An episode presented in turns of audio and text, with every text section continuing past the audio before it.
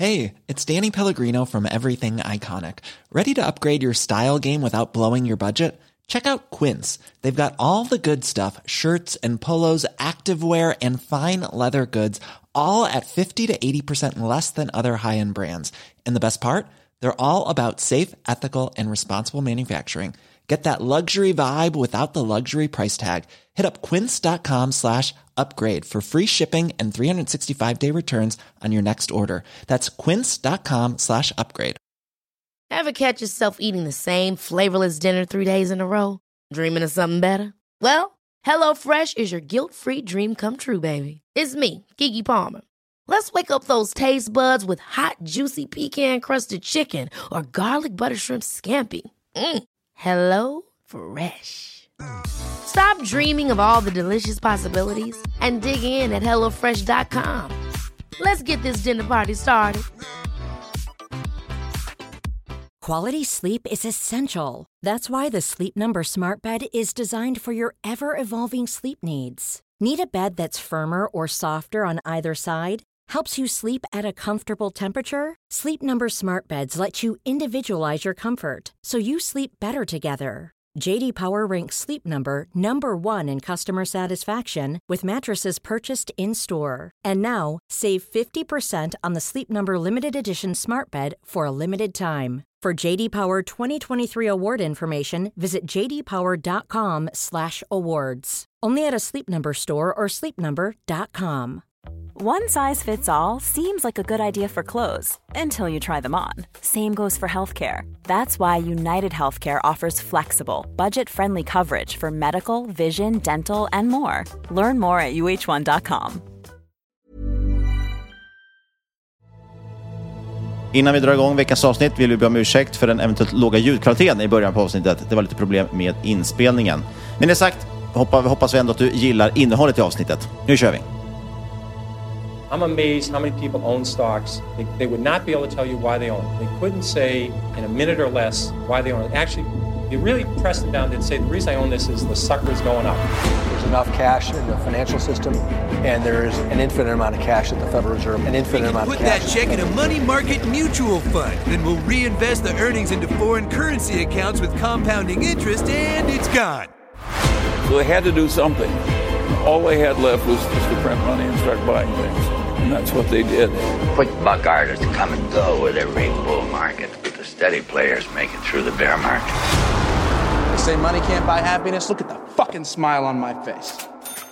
Hej och välkommen till ett nytt avsnitt av Market Makers och faktiskt det näst sista för den här säsongen eller vad man ska kalla det för. Sen blir det ju våra sommaravsnitt och eh, ja, de har ju tagit lite tid Fabian. Du har ju gått ner djupt i det beryktade kaninhålet. Ja, jag tänkte ju säga att vi har ju gått ner djupt i det beryktade... Ja, men jag vill inte ta åt mig äran, men det är du som har gjort grovjobbet.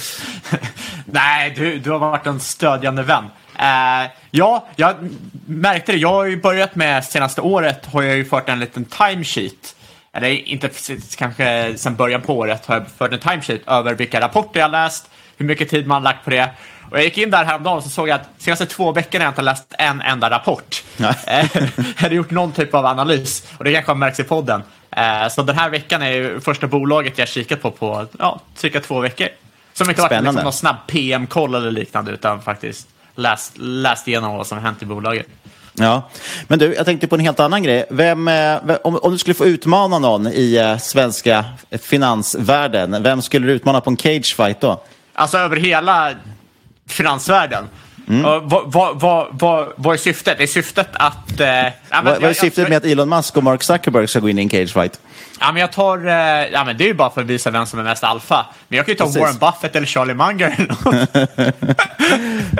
ja, men bakgrunden här, precis som du säger, det är ju att eh, Elon Musk, eh, eller egentligen så här, Mark Zuckerberg, alltså Metas vd, eller gamla Facebook då, eh, har ju, eh, de skulle lansera en Twitter-konkurrent, är det väl i princip, säger de. Och eh, då gick Elon Musk ut och sa allt liksom att ja, det här får vi nog avgöra i en cagefight, vill säga en MMA-fight då i princip, eller UFC, man låser in sig i en bur och bara en kommer ut. Eh, och Mark Zuckerberg då, som ju tävlar jiu-jitsu på hög nivå som jag förstått det som, eller tränar i alla fall, jag vet inte om han tävlar, sa ju då bara... faktiskt, turneringar ja, och grejer. Han sa, i princip, eh, säg en tid och en plats. och Musk har ju svarat med en tid och plats, så att de ska köra det i Las Vegas på någon stor arena. Så det ska bli jättespännande att se om det verkligen blir en cage fight. Och nu har det varit mycket diskussion om vem som kommer vinna. Ja, men jag Eh, såg ju någon eh, artikel att Elon Musks mamma hade varit ute och sagt att han inte får göra det. Det har ju varit, för övrigt, apropå Elon Musks mamma, hon heter väl May Musk va? Eh, för några år sedan var det också mycket diskussion om hennes Twitterkonto styrdes av Elon Musk, var det många konspirationsteoretiker som sa. För att hon skrev mycket om Tesla som ibland kunde vara ganska kurspåverkande. Men, äh, men intressant, och, och, det är det, man kan ju, beroende på vem man väljer, man kan ju antingen då välja att man ska ha en enkel fight eller en fight som ger, eh, som ger bra liksom, eh, eh, avkastning, man ska säga.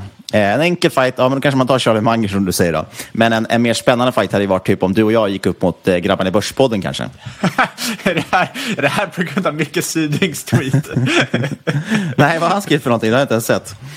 Ja, det, det där hade jag faktiskt missat helt. Men nu när jag söker fram eh, Micke Sydings eh, Twitterflöde så ser jag att han eh, precis har öppnat upp det. Att eh, Market Makes Pod mot Börspodden. Ja, det kan bli spännande. Ja.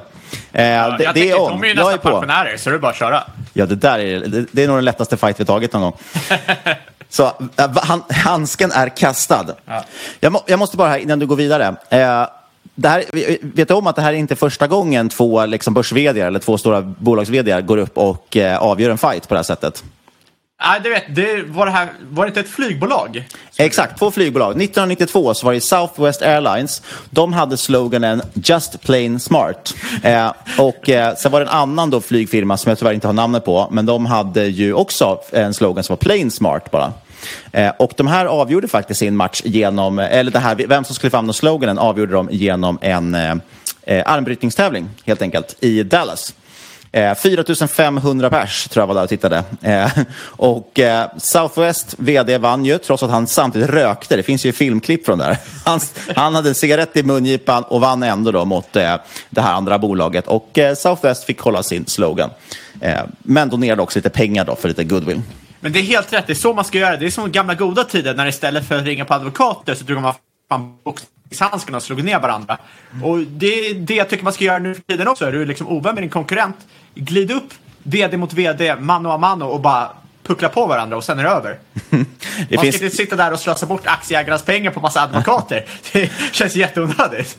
Jag kan rekommendera att kolla upp den där historien för att det är rätt kul. Det finns ju roliga klipp också på Southwest VD. Han sitter ju ibland och eh, han kör curls. När han ska träna armarna så kör han det med eh, whiskyflaskor och sådär. Han är en ganska rolig kille. Eh, men du, eh, det är inte det vi ska prata om idag. Vad ska vi prata om idag egentligen? Ja, vi ska ju prata lite allt möjligt. Vi ska ju prata lite eh, lyxvaror, vi ska prata lite eh, index. Vi ska, vi, ska prata lite, vi ska prata lyxprodukter men också engångsprodukter i form av Duni. Vi kommer också ta upp Mag Interactive eh, lite kort bara, för de släppte ju rapport idag. Vi spelar in det här den 28 juni. Eh, Ja, och sen och vet jag att du vill prata lite Games Workshop, eller Warhammer då, som vi har tagit upp Ja, för det, några år det, det sedan. var en slump. Du vet, man hade inte läst några rapporter och så av en slump så plockade jag upp det, kikade. Är det intressant nu? Vi kollade på det senast typ 2019 och nu fyra år senare kanske det är dags att eh, kolla vad som hänt i bolaget. Men med det sagt så tycker jag att vi hoppar in på dagens avsnitt och innan det vill vi bara påminna om att inte någon rådgivning eller rekommendation. Vi berättar om vår process, hur vi tänker, gör alltid en analys och glöm aldrig att alla investeringar är förknippade med Risk. Ja, och jag tänkte bara snabbt. Eh, jag vet att du också vill stämma av lite här kring index. Och då tänkte jag först bara lyfta upp ett annat index som inte så många har hört talas om kanske. Och det är Bloombergs Subdial Watch Index. Som ju trackar de 50 mest handlade begagnade klockorna i världen. Eh, av då lyxmodell får man väl säga. Det är klassiska som, som Rolex, Patek Philippe och så vidare. Eh, och det här indexet är faktiskt ner. Det har ju varit en rekordstegring på priser inom klockor. Och en del menar ju på att just lyxprodukter har varit väldigt motståndskraftigt, eller det är ju det, historiken säger det. Eh, och har drivits på dock väldigt mycket av den här starka, liksom, ja men egentligen den här covid-boosten på något konstigt sätt. Så helt plötsligt hade folk pengar över och varit rika på olika saker och då såg vi att till exempel konstpriser gick upp väldigt mycket, vinpriser, alla typer av lyxprodukter egentligen, inklusive då klockor som har blivit helt galet dyra. Eh, men det här indexet är faktiskt nu på, ja, nere på nästan lägsta priserna på två år. Eh, totalt nästan 20 procent year over year det här indexet ner. Och de sämst presterande modellerna kan jag nämna, det är Nautilus, det är en Patek Philippe-klocka, så har vi Royal Oak och även Rolex Daytona är bland de sämsta klockorna i indexet och det är också bland de dyraste. Så att det beror på om man tänker, ja, det är väl inte så konstigt kanske att det är de som, som drabbas mest också förstås. Men något som däremot går bättre är ju Nasdaq, som jag vet att du vill prata om. Ja, är det inte helt sjukt att Nasdaq 100 är på väg att stänga bästa första halvåret någonsin i sin historia? Uh, och det är nog inte så många som bettade på det om du hade suttit här och gissat 2023 i juni 2022. Och eh, såklart, det här är främst drivet av megatechbolagen. Liksom majoriteten av amerikanska börsen, även som svenska börsen, många småbolag, harvar ju lite, går inte så, jätte, går inte så jättebra för dem. Eh, men det är också intressant att kolla på ett annat index, S&P 500, ligger nu på samma nivå som när Fed började höja räntorna förra året, vilket i sig känns rätt sjukt, Eh, men visar ju någonstans vart eh, börsen liksom, tro, liksom, tror om framtiden. Ja, och så tänkte jag snabbt bara koppla an lite grann till Mag Interactives rapport som kom idag. Eh, vi har ju pratat om aktien tidigare, jag tror att det var vid årsskiftet. Jag tror till och med att jag tog upp den som, jag har varit efterfrågad om ett nyårscase tror jag till, om det, jag kommer inte ihåg om det var Affärsvärlden eller någon av de här tidningarna. Eh, och jag nämnde då Mag Interactive som jag tyckte såg väldigt intressant ut, för att den storyn var ju liksom att de har haft väldigt svårt att få till lönsamheten, de har satsat väldigt mycket på user acquisition. För om det är någon som inte vet vad Mag Interactive gör, de här håller ju på med eh, mobilspel och framförallt då väldigt mycket ordspel. Det största är väl Wordsea som är ett, ett ordspel, helt enkelt, man spelar i mobil. Eh, och då håller man på med det klassiska den modellen är att man stoppar in pengar i, för att köpa användare helt enkelt, för att annonsera, user acquisition. Eh, och då vill man ju få en ROI på det, en, en avkastning på de pengarna man stoppar in i annonsering helt enkelt, för att få in nya användare. Och problemet är alltid det där att om du bränner på väldigt mycket med UA, alltså user acquisition, eh, liksom, ja, köper användare, så tar det ett tag innan du får tillbaka de pengarna. Eh, så det är alltid lite osäkert. Man vill gärna se liksom, att man ändå når lönsamhet på det där. Och Mag Interactive har ju haft väldigt god renommé, eh, många, många duktiga investerare som gillar dem och jag tycker liksom ledningen har hållit ganska mycket vad de säger. Eh, men de har aldrig riktigt nått upp till lönsamhet för de säger att ja, men vi har haft goda möjligheter att satsa på UA. Men man ser aldrig riktigt att det där bär frukt. Ja, de ökar omsättningen men de får inte upp lönsamheten. Sen kom de till ett skifte där. Det var väl ett kvartal ungefär som de visade lönsamhet. Där det såg ut som att okay, men nu vänder det här och då kan det bli väldigt intressant. För då kan det ju gå väldigt fort som lönsamheten stiger upp. Eh, och de sa sig också att de hade väldigt bra position på, det, på grund av att eh, många konkurrenter, det var ju det här när räntan och allting gick upp och många började dra in på sina, liksom, de fick mindre investeringar, eh, alltså mindre riskkapital, mindre aptit då, helt enkelt för att kunna köpa annonser. Därmed fick de bättre ROI, såg Mag Mag Interactive. De konkurrerade helt enkelt, hade mindre konkurrens helt enkelt om annonsering annonseringen och därmed sjönk priserna. Så de stod ju så verkligen inför en exakt, eller väldigt intressant, liksom, lite perfect storm. Att nu jädrar skulle de kunna brassa på och det skulle bli väldigt bra lönsamhet. Sen vände det där totalt istället på senaste rapporten och vart en väldig besvikelse. Bolaget var inne väldigt mycket och jag, för mig i alla fall så skrev jag lite av storyn att jag kände att nej men okej, det, det händer aldrig för det här bolaget. Då. Eh, nu släppte de rapport idag igen. Eh, aktien ser upp nästan 10 procent, men då var den väldigt slaktad. Den är ju ner nästan 40 procent sen, bara sedan årsskiftet. Eh, Rapporten såg väl okej ut. Man fick, tycker jag inte kanske landade så jättebra i omsättning. Eh, omsättningen var ju ner eh, sen förra kvartalet. Eh, och även då, men, men fördelen var att lönsamheten kom in lite bättre än väntat och det var väl det folk gillade. Och det handlar ju om att egentligen den här user acquisition har gått ner. Eh, just nu låg den nere då på 22 procent av omsättningen, vilket är lägre än tidigare. Så att det är lite intressant här. Jag, vet inte riktigt, jag, jag vågar fortfarande inte riktigt lita på Mag Interactive. Jag tror att en, en duktig värdeinvesterare kan säkert räkna på det här och tycka att det är intressant med tanke på att just nu är bolaget så pass lågt värderat. Jag tror att siffrorna kommer att bli sämre innan det blir bättre. Eh, jag vågar inte riktigt lita längre på den här storyn, men som sagt, det kan vara så att värderingen gör det tillräckligt aptitligt och det är väl därför också som sagt eh, bolaget ändå går upp lite grann på det här. Eh, de har ju ett långsiktigt mål om att de ska nå 125 miljoner i omsättning, eh, men ja, just nu känns det svårt och det hintade ju bordet lite själva om också att vi är inte säkra på att vi kan nå det med de spel vi har idag. Och det är väl det som är problemet, att när kan man få ut ett nytt spel? Vad kan, vara intressant, vad kan driva den liksom omsättningstillväxten? De säger inte att det är omöjligt att de når det på, med det här Wordsea bland annat, men det är inte heller säkert att de når dit. Eh, så jag, vet, jag tycker att det känns lite skakigt, men kanske är det, då, det kanske är den kontraindikator man behöver för att gå in i bolaget. för hittills har jag, har jag varit väldigt dålig på tajmingen i just Mag Interactive. Ja, så ni hör ju där mina vänner, det är bara att köpa, bara att köpa. För det här kommer ju tokralla nu när Niklas säljer.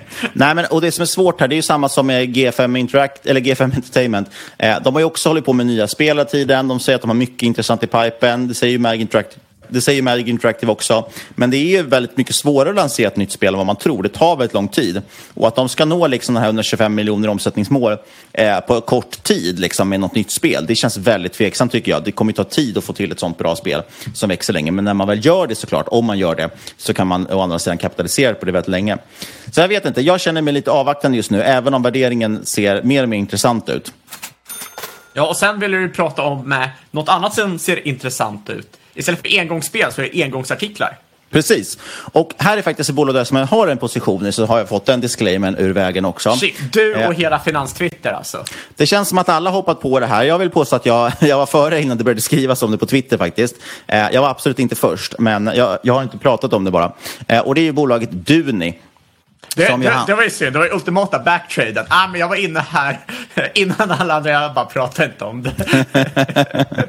Ja, nej, jag försöker inte, det var inte så. Men jag har sett nu att det har skrivits väldigt mycket om det. Jag hade planerat lite att prata om det i podden och så är flera andra som har skrivit om det.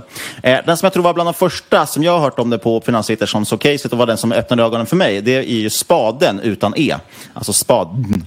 Eh, som vi bor här i trakterna, eh, som jag har träffat och pratat om det här bolaget med. Och det är väldigt intressant för att Duni då, om man bara tar först vad de gör för någonting. Eh, vi kan också säga att kortnamnet är DUNI, alltså Duni. De handlas på midcap eh, och börsvärdet ligger på nästan 5 miljarder. Eh, och det är väl ett halvkänt bolag. De har 4 000 ägare hos Avanza bland annat, så det är väl liksom lite halvkänt. Eh, men de håller ju på med liksom engångsartiklar framför allt. Eh, mycket dukar, ljus, tallrikar, serveringsfat och så vidare. Eh, ja, klassiska grejer tycker jag ganska okonjunkturkänsligt. Men den stora grejen här, jag såg ju bland annat att till exempel analytikerna, som Magnus Skog som varit med på den tidigare, har ju skrivit till exempel om det här bolaget nu och, och ägare. Eh, och det var väl det du tänkte på kanske, att, att Finanstwitter har plockat upp det. Ja, jag vet ju att ja, det är Magnus Skog och så är det 89 Olle och Spaden och Value Teddy och liknande. Så det känns Ja, som en helt det- gäng som... Ja, och det är ungefär samma cirkel som sitter och pratar med varandra, så det är inte så konstigt. Och jag har ju sagt hört det via spaden. Eh, men eh, det är lite intressant ju, för de har ju ett ganska, jag, jag har det ganska som ett, ett kortsiktigt rapportspäck. Eh, och det handlar helt enkelt om, de har ju rapport som kommer den eh, 14 juli, så det är mindre än en månad kvar till nästa rapport. Eh, och det handlar säkert om att bolaget har gått igenom, om vi tänker på Mag Interactive som såg ut att stå inför en som kallad perfect storm. Allting hade liksom, stjärnorna stod rätt för att nu ska det här bolaget eh, gå riktigt bra. Så har ju du nu egentligen gått igenom det precis motsatta. Eh, de har ju haft liksom, är väldigt, väldigt beroende av egentligen el, eh, fraktpriserna men också pappersmassa framför allt. Och det är det här som Spaden då på Twitter har, har pratat väldigt mycket om. Eh, just att de visar ju väldigt tydligt, det här var vi inne på förra veckan väl, att de flesta bolag redovisar väldigt tydligt i sina noter hur de påverkas av valutakurser. Eh, Duni redovisar väldigt tydligt hur de påverkas av till exempel massapriser och energipriser. Och förändras då massapriset, nu tittar vi på lite gamla siffror, då, men förändras massapriset till exempel 5% per ton, eh, då påverkar det resultatet med 18 miljoner SEK eh, på bolaget. Ja, 18 miljoner SEK på ett bolag som just nu på rullande 12 omsätter lite under 2 miljarder. Ja, det motsvarar ungefär 1 procent av omsättningen. Eh, och det här går ju rakt på vinst eller eventuellt då förlust. Eh, så det, det kan bli ganska betydande effekter. Vinsten till exempel nu på rullande 12 är 78 miljoner. Eh, och, och får en förändring i massapris på, på 5 procent, alltså som ger 18 miljoner då, eh, förbättrat resultat, då har du helt enkelt en ökning av vinsten med över 20 procent. Så att poängen nu, det här är väl teoretiskt om alla siffror, men, men poängen är ju helt enkelt att massapriser, elpriser men också fraktpriser slår väldigt hårt mot resultatet. Eh, och det var ju negativt för ett tag sedan. För jag menar, vi har sett både 2020 och 2021 så gick ju massapriserna, alltså träpriser då, upp i höjden. Det var helt galet. Jag minns vi höll på att titta på hur vi skulle eh, göra om, eller bygga ut våran trall. Eh, och eh, massa, alltså träpriserna på trä bara hade ju nästan dubblats då på ett år. Dessutom påverkas de av elpriser och det är väl ingen som har undgått att se att vi hade en elpriskris här förra året. Det var snordyrt med el, men elen har också kommit ner. Eh, och samma sak inom fraktpriser då så har fraktpriserna kommit ner rejält. Jag kan bara snabbt också nämna elen, tror jag, att energi, eller när det gäller energipriser så säger Duni då att eh, förändring där på 5% energipriset, det slår ungefär 5 miljoner kronor mot resultatet. Eh, och tittar vi då på fraktpriserna som också påverkar väldigt mycket Eh, så har de priserna gått ner väldigt mycket. Eh, mellan 2020 och 2021 så femdubblades priserna på containrar till exempel. Eh, och nu är de tillbaka igen ner på ja, ner 80 procent, så ner tillbaka till samma nivåer som var innan pandemin. Så vi har helt enkelt tre saker som har motverkat det här bolaget kraftigt och gjort att det har varit väldigt, väldigt tufft för dem. De har dock försökt kontra så gott de har kunnat genom att höja, höja priserna och så och infört kostnadsbesparingsprogram. Och det har funkat väldigt bra. De har lyckats liksom försvara sin position ganska hyfsat. Men nu har vi då helt enkelt det omvända. Priset för pappersmassa är ner 15 procent sen toppen eh, och kommer ytterligare gå ner, tror man just nu. Eh, och som jag sa då, vi har 18 miljoner för en 5 procentig skillnad. Då hade du fått 15 procents skillnad, så då borde du ha 60 miljoner nästan bara, eller 50 då säger vi drygt. Eh, bara liksom på massapriser. Om allting nu går helt enligt teorin då. Eh, ja, och elpriserna har gått ner kraftigt och även fraktpriser. Så det är lite intressant här och det känns, tycker jag, inte som att det här, det börjar kanske prisas in lite grann nu, eh, men jag tycker att det är någonting som fortfarande känns som att det eh, har en del till att ge. Så att jag äger i alla fall lite aktier nu över den här rapporten som kommer och så får vi se hur det blir efter det, har jag inte riktigt bestämt mig. Eh, bolaget delar ut för övrigt också, eh, jag, kan nämna det snabbt bara, att, att bolaget handlas till eh, P runt 16 just nu på rullande 12 och har en direktavkastning på 3 procent. Men då är liksom, jag har ju ingen koll på Duni. Eh, men jag antar då att själva caset, om du liksom, så bara för att sammanfatta det, är i stort marginalerna är kortsiktigt pressade på grund av el, eh, pappersmassa och frakt. Och eh, när de här eh, marginalerna expanderar igen så kommer det visa sig att det här bolaget är mycket billigare än vad det ser ut på papper. Till exempel P16, det kanske egentligen är, inte fan vet jag, P11, P12. Exakt så. Och det här bygger då på helt enkelt som, liksom, ja, att marknaden inte riktigt har sett den här effekten, eller inte riktigt sett den effekten. Mm. Kollar vi tillbaka historiskt också, som sagt, jag ser på rullande 12 nu ligger på ja, 16 ett Avanza, 17 ett Börsdata. Eh, tidigare har det här bolaget handlat snarare kanske ja, men mellan då P kanske 16, 17 och 20. Eh, så det här är till och med det är en, det är en helt okej okay värdering för vad det är. Eh, men jag tror dessutom att marknaden inte riktigt har ännu har prisat in det här. Nu är den ju upp nästan 20 procent i år. Eh, och det var lite som, det, det ska faktiskt Magnus Skog skriva ganska bra om det. det här är ingenting man förväntar sig att det är en, en tenbagger. Liksom. Det är inte så att man ska sitta och äga den här i, i tio år och tro att man kommer få tusen gånger pengarna. Eh, utan det handlar ju om att kortsiktigt så tror jag att det här är ett, ett ganska intressant bett. Jag tror att den här, de här, den här och kanske kommande rapport kommer att se betydligt bättre ut än vad marknaden just nu tror. Och det är väl det, lite det man bettar på. Så, så det är ett bolag som kanske har 25-30% uppsida om det eh, liksom får, får, får, går tillbaka till normala marginaler. Eh, landar kanske P, P12 eller whatever det kan vara och sen uppvärderas det, tillbaka till historiskt. P. Och det som så blir väldigt intressant här det är att se hur den här liksom ökade priserna och kostnadsbesparingen slår nu eh, mot, när, de här, när liksom motgångarna försvinner. Vi tittar tillbaka historiskt, de senaste typ tio åren, eh, eller vi kollar tillbaka innan pandemin, då, så på de åren innan där. Eh, de vinstmarginalen på Duni legat kring 7-8 procent. Sen precis innan pandemin var den nere kanske på 5 procent, den gick ner lite grann. Eh, under 2020 då var vinstmarginalen i princip 0 procent. Därav att P talet i året också såg, helt, eh, lite, såg lite speciellt ut. Eh, så marginalen försvann ju helt och hållet. Man utraderade allting. Man gick inte förlust, men man utraderade hela marginalen i och med de här ökade priserna. Men sen har man successivt återhämtat det där. Så 2021 då var marginalen uppe på 1,5 procent igen. 2022 var det på 3 procent. Nu på rullande 12 så är man uppe i nästan 4 procent marginal. Så att det man kan förvänta sig här, ja, att bolaget kanske skulle ta sig tillbaka till 5% vinstmarginal eller någonting, eller rimligt 5-6% Men du har ju dessutom höjt priserna, fått, gjort ett kostnadsbesparingsprogram. Så jag tror att man snarare borde kunna komma tillbaka till det gamla snittet på 7-8% någonting, åtminstone kortsiktigt. Sen blir det ju alltid så översiktligt, då kommer ju kunderna vilja kräva att priserna går ner igen. Eh, men just nu har vi den här motvända, vi pratade lite om det här när vi pratade om solpanelsbolag förut också. Eh, att, att det är så svårt nu när det har varit så volatila priser på insatsvaror och så vidare att, att, att hålla rätt pris ut mot kund. Ibland har du hamnat efter, det vill säga du har sålt till ett pris men sen har du behövt köpa till ett högre pris dina varor och därmed gör du då en väldigt dålig, eh, dålig affär. Här har vi nu det omvända fallet när det där vänder. Det vill säga du har höjt priserna mot kund för att kompensera för dina ökade in, eh, inköpspriser men nu har inköpspriserna gått ner och kunden ändå, har ännu inte fått en, ett sänkt pris. Så, att säga. så det ska bli intressant. Så jag håller den kortsiktigt i alla fall över rapporterna som kommer, vad sa jag, 14 juli. Ja, intressant.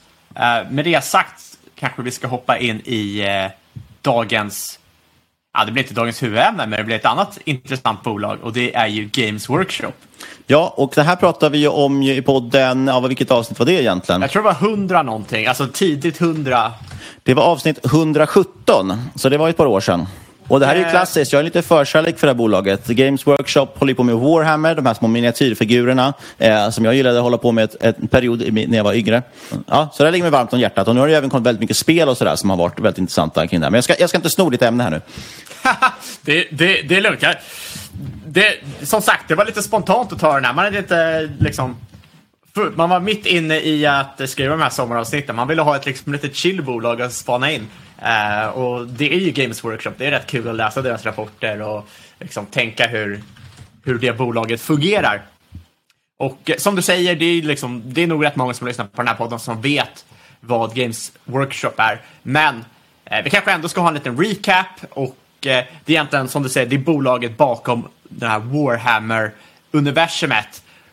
Och eh, i grund och botten är det egentligen bara ett IP, en fantasivärld.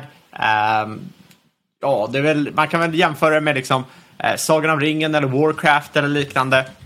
Där man ser att IP kan expandera ut i diverse vertikaler och monetariseras på olika sätt. Eh, mest känt är de ju såklart för de här små miniatyrfigurerna som man målar och sen kan man använda dem för att spela diverse tabletop-spel med. Och de här eh, säljs ju online, säljs via egna butiker, eh, via ett nätverk av partners och eh, ja, som sagt, så utöver det här så licensierar man ju utveckling av tv-spel och annan media. Senast är det väl en var det väl nyheten nyheter om att det ska komma en serie med Henry Cavill i täten. Och det är han som eh, spelar Stålmannen, han var med i den här Witcher-serien. Eh, vad jag vet är han en riktig Warhammer-nörd, så att eh, jag tror även han skulle vara producent. Så det är ju eh, stora möjligheter att det kommer att bli bra. Och det är såklart väldigt viktigt för bolaget, för det är ju väldigt bra för kundanskaffning. Folk ser serien, Eh, eller spelar något spel, och så inser de att ah, det här kanske är roligt att eh, leka med och måla lite figurer och spela. Och det är egentligen hela deras kundanskaffning, på tal om just liksom, tv-serier, är rätt intressant. För jag nämnde ju där att de, de driver egna butiker, men de här butikerna de är ju mer inriktade på just kundanskaffning än att tjäna pengar. Jag menar, liksom att för de flesta som inte har varit involverade där innan kan det kännas rätt eh, liksom svårt eller främmande att man ska sätta sig ner, måla en, liksom en figur för att sen spela med den. Eh, och framförallt de här figurerna är ju rätt dyra. Jag menar, det är väl eh, liksom flera hundratals kronor bara för att ens komma igång. Så eh, det finns ju en viss inträdesbarriär här för att faktiskt börja spela. Du måste lägga ner lite stålar och eh, då kan det ju vara rätt svårt att locka in folk att, eh, att lägga de här pengarna när det kanske känns väldigt främmande. Så de här butikerna handlar mer om att introducera spelet för potentiella spelare, visa dem charmen i att måla sina egna figurer och så vidare. Och eh, såklart kan man ju se det här som en nackdel eh, jämfört med digitala spel som fler är bekväma med, eh, som kanske fler är bekväma att lägga pengar på att köpa, eller där det kanske till och med är free to play. Men eh, det finns också en rätt stor fördel med att det finns liksom lite högre inträdesbarriärer.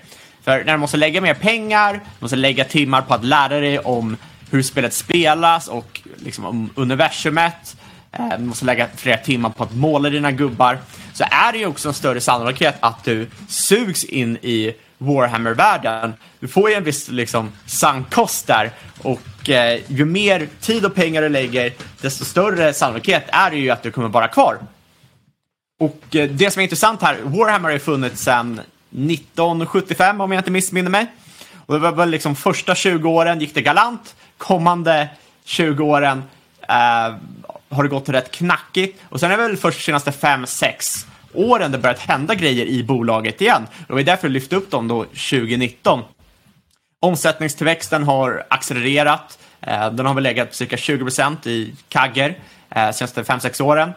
Ehm, var, man kan ju nämna där att tillväxten var i stort sett flat, det satt ju och hackade som satan årtiondet innan det. Ehm, bruttomarginalen är ju snorhög ehm, för att främst sitta och sälja liksom, fysiska produkter, ligger på 70 procent. Men det kan man ju också tänka sig med tanke på att det här är ju liksom, små figurer. Man kan nog ta rätt hög marginal på dem. Och vinstmarginalen, och det här är ju jätteintressant tycker jag, det är att vinstmarginalen har stigit från 10 11 till nu 25-30 procent. Det, är... det galet bra. Det är, lite som vi, alltså det, det är verkligen någonting man inte är priskänslig med heller egentligen. Jag tänkte vi, ska, vi, vi kan sitta och liksom prata lite, eller filosofera liksom lite om det sen också. För det är, för det är så här, den här ändringen eh, som har gjort att de har kunnat accelerera, eh, accelerera liksom både tillväxt och eh, liksom expandera sina maggar det är att man maggar, del... vad är det för någonting? Marginaler. Börjar hitta på egna slanguttryck här också. är det inte så man gör? Man ska låta lite cool liksom. Um, men man, man satsade mer på liksom, sina IP, sina butiker, äh, få ut det här till mer människor, äh, satsade lite mer på äh, kvaliteten på sina figurer, äh, för att då ska man kunna höja priserna på sin produkt. Äh, samtidigt så börjar man faktiskt också ge ut sätt för nybörjare för att kanske dra ner den här ribban aningen. Behöver inte lägga ut exakt lika mycket pengar för att komma in. Och det här kan ju locka in nya kunder såklart. Och det här har ju varit en väldigt stor framgång. Sen kan man ju också ställa sig frågan här, Eh, hur mycket kan man till exempel höja priserna långsiktigt? Som du säger så, jag tror väl kanske inte att kunderna är superpriskänsliga. Det känns ju som Warhammer är ett sånt intresse som kommer vara ditt främsta intresse.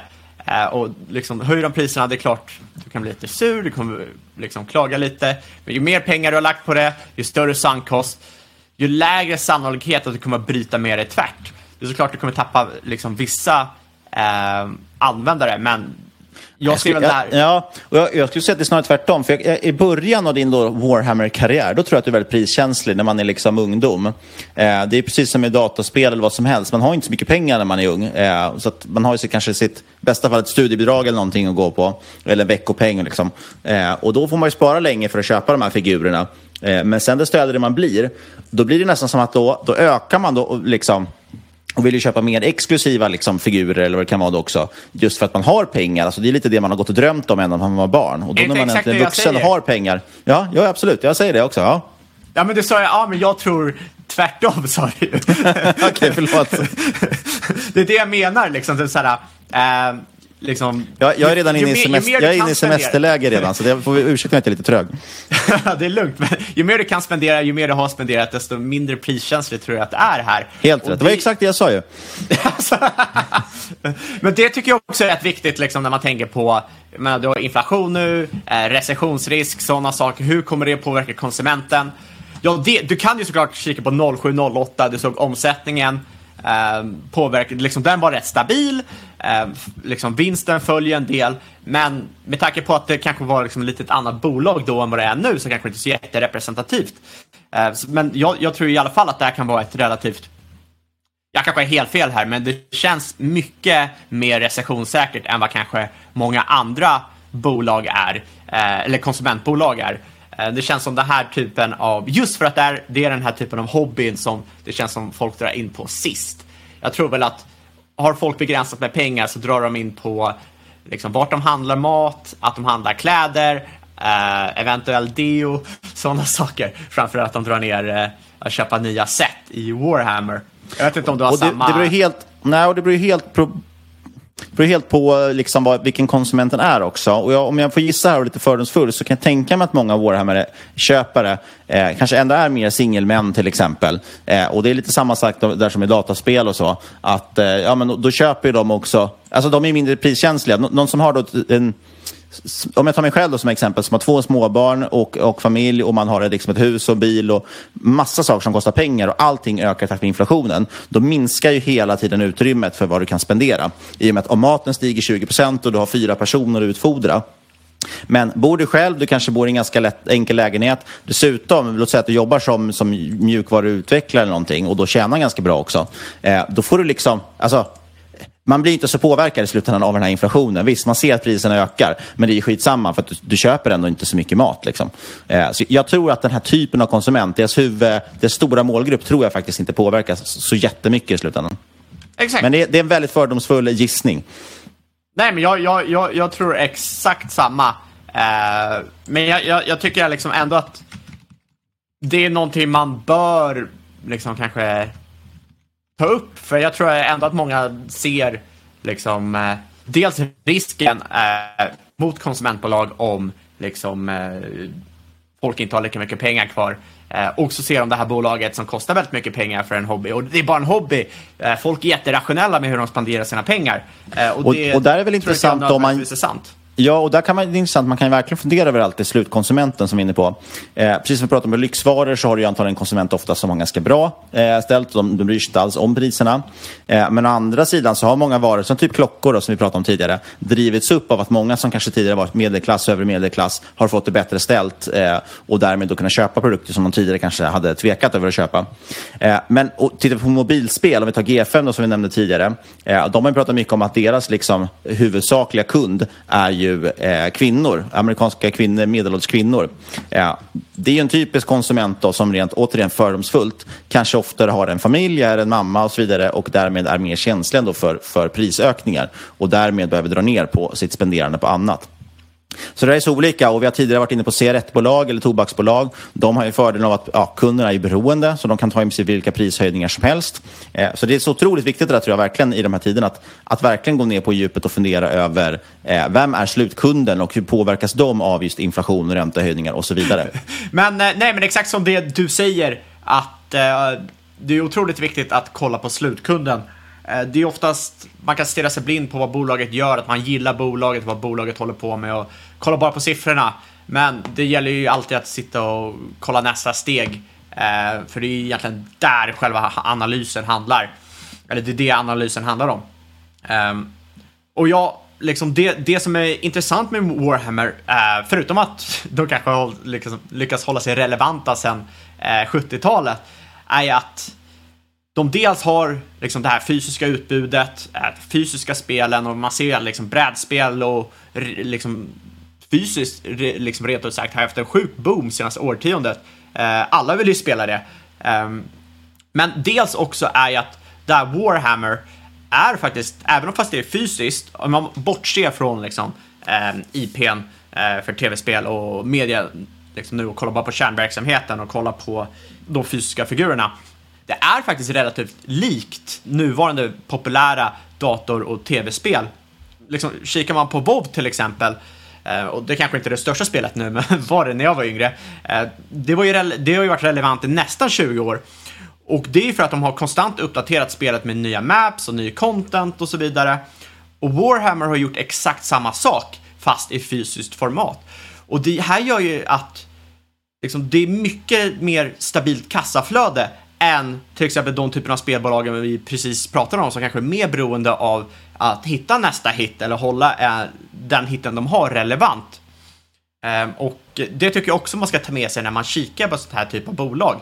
Att eh, även fast det kanske är mot en gamingpublik eller ett, liksom, man kan tolka det som ett spelbolag. Så just på grund av hur de driver sitt universum och liksom sina spel så känns det som att kassaflödena, eh, det är lättare att uppskatta dem än i andra typer av spelbolag.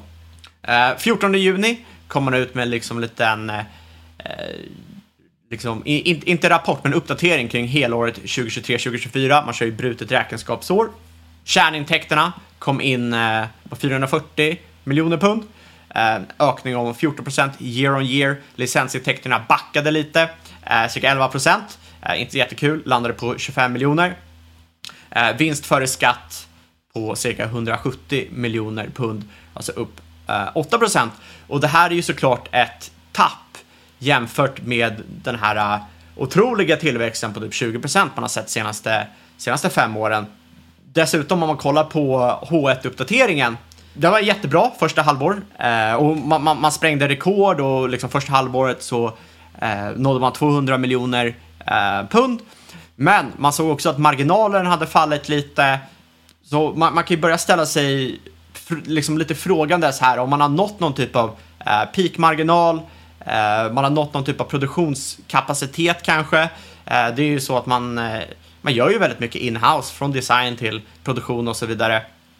Och det innebär ju också att man har ju liksom vissa begränsningar vid uppskalning. Du kan ju inte skala eh, utbudet hur som helst, eh, även om det så, så, såklart går att skala en sådan produkt relativt långt. Men till slut så behöver du fler eh, Eh, fabriker eller band och producerar på och så vidare. Sen kan man också påpeka att trots att första halvåret var fantastiskt för eh, för Warhammer om man slog rekord så var det ändå under sina egna mål. Eh, bland annat på grund av att försäljningen i USA låg flät. Och ja, det tycker jag liksom lite man kan ta med sig sen när man sitter och kikar på värderingen.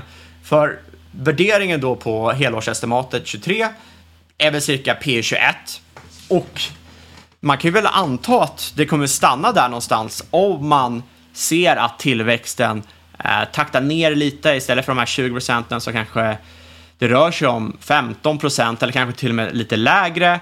Eh, även fast de fortsätter att ha en hög vinstmarginal på 25-30 procent. Och för mig personligen tycker jag att det känns lite i dyraste laget för det här typen av bolag. Eh, jag hade jättegärna velat säga ah shit, det här ser ut som ett tokköp just nu. Eh, men jag tycker nog inte att det gör det. Jag hade gärna sett ett det beror såklart på vad man har för avkastningskrav såklart. Eh, men jag hade väl kanske sett P15-ish för det här bolaget, givet det man har sett då på senaste eh, rapportuppdateringen. Ser man en acceleration tillbaka till 20% tillväxt, ja, då kanske P20 är rätt rimligt och eh, kanske en stor, liksom, en hyfsad deal och man får ett väldigt kvalitativt bolag för en bra prislapp. Men liksom, jag tycker att man, man har lite frågetecken nu kring liksom, kan man fortsätta skala upp, um, hålla i den här tillväxten som man har sett senaste året. Jag är väl lite mer tveksam. Uh, vi får väl se hur de här IP-satserna går framöver såklart. Uh, vi får väl se hur marginalerna påverkas uh, framöver om man har nått någon typ av peakmarginal. Uh, men jag personligen avvaktar här. Jag ser gärna att eh, man väntar in ett lite bättre läge. Men överlag, det är ju ett väldigt intressant bolag att följa. Det är ju väldigt, väldigt säreget bolag. Jag tror inte att det finns många andra bolag i världen som eh, eh ser ut riktigt som Warhammer gör. Nej, och jag tycker det är så svårt det där just för att eh, det känns som en produkt som det, det, är dumt att säga trendkänsligt, men det finns ändå en trend, trend i det. Liksom att, äh, är, är det många som är intresserade av Warhammer just nu eller inte? Det, det påverkar ju omsättningstillväxten jättemycket. Eh, och det där är så svårt, för att med andra grejer med, Eh, ja, ta, ta Revolution Race då, som, som, som ett svenskt modemärke, liksom, eller de gör outdoorskläder, men där känns det verkligen tydligt att man, att man ändå kan någonstans lite sia. Man ser att okay, nu verkar det vara en väldigt tydlig upptrend, har varit ju för något år sedan med, med outdoorskläder, och, och den trenden antagligen går ju tillbaka igen, för att det går ju väldigt mycket mode i kläder helt enkelt. Eh, men här är det väldigt svårt att veta just hur, hur modet eller hur intresset kring en sån här produkt förändras. Det är därför jag tycker det är så... Eh, ja, också ja. jättespännande. Och det är ju verkligen, får man väl ändå säga, någon form av kvalitetsbolag. Det är ju värt en lite högre prislapp. Men jag håller nog med om att, att ett P över 20 känns eh, lite saftigt kanske för Games Workshop. Eller jag ser inte hur det blir en superbra affär på sikt. Nej, eh, liksom när, när, målet är att överprestera index så får man väl vara liksom lite mer priskänslig. Eh, men Ehm, ja, det är därför det, liksom, framtida IP-satsningar känns otroligt viktigt just nu. Det är liksom lite av en uh, breaking point tror jag för att liksom få ut lite mediasatsningar, uh, ökar intresset, får in folk, liksom, kolla på nya serier och så vidare. Uh, upptäcker Warhammer och sen kan man liksom, liksom lite det Disney gör, ha en funnel uh, och sen få in dem i andra områden i bolaget. Då kan det ju vara så att vi ser bara en kortsiktigt fall i tillväxten och sen kan den accelerera framöver. Men det är ju liksom buts and ifs. Det är kanske inte jättevärt att sitta och satsa på eh, sådana saker just nu. Ta, ta ut segern i förskott som att säga. Nej, så jag tycker att det ser lite, lite dyrt ut, men jag tycker ändå att det är värt att hålla det, liksom hålla, hålla det i kikan. Ja, och kort lite här, eh, innehållsförteckning eller innehållsdeklaration eller disclaimer, vad vi äger för någonting. Jag äger som sagt lite aktier i Duni, eh, överport här, och, eh, men annars tror jag Mag Interactive eh, och inte heller eh, Games Workshop är det väl ingen av oss som äger. Nej, jag sitter ju bara på riktiga pissbolag just nu. Uh, alltså så här, det där låter i och för sig värre än vad, vad, vad det egentligen är. Uh, men det har varit ett jäkligt tråkigt år, för majoriteten av året hände januari, februari och sen har det inte rört sig så mycket. Det har varit upp lite och så ner lite och så upp lite och så ner lite. Uh, du kanske känner igen det där. Vi tänkte faktiskt ha en liksom, liten sammanfattning nästa vecka om första halvåret. Ja, men precis. Och vi ska som vanligt påminna om att inget hört den här podcasten ska ses som rådgivning. Alla åsikter varierar eller gäst och eventuella sponsorer tar inget ansvar för det som sägs i podden. Tänk på att alla investeringar Eh, Eh, är förknippade med risk och sker under eget ansvar. Kontakta oss på podcast at marketmakers.se eller på Twitter och eucaps at marketmakerspod om du har några frågor och lämna gärna en recension på iTunes. Och sist men absolut inte minst, kära lyssnare, stort tack för att just du har lyssnat. Vi hörs igen om en vecka.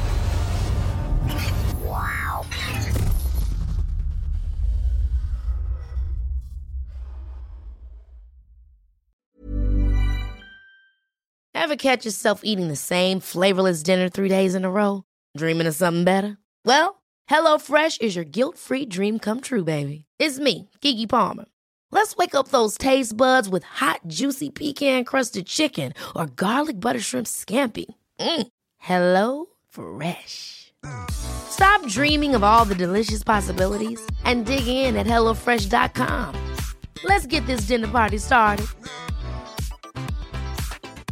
Hi, I'm Daniel, founder of Pretty Litter. Did you know cats tend to hide symptoms of sickness and pain? I learned this the hard way after losing my cat, Gingy. So I created Pretty Litter, a health monitoring litter that helps detect early signs of illness by changing colors, saving you money and potentially your cat's life. Pretty Litter is veterinarian developed, and it's the easiest way to keep tabs on your fur baby's health right at home. Go to prettylitter.com and use code ACAST for 20% off your first order and a free cat toy. Terms and conditions apply. See site for details.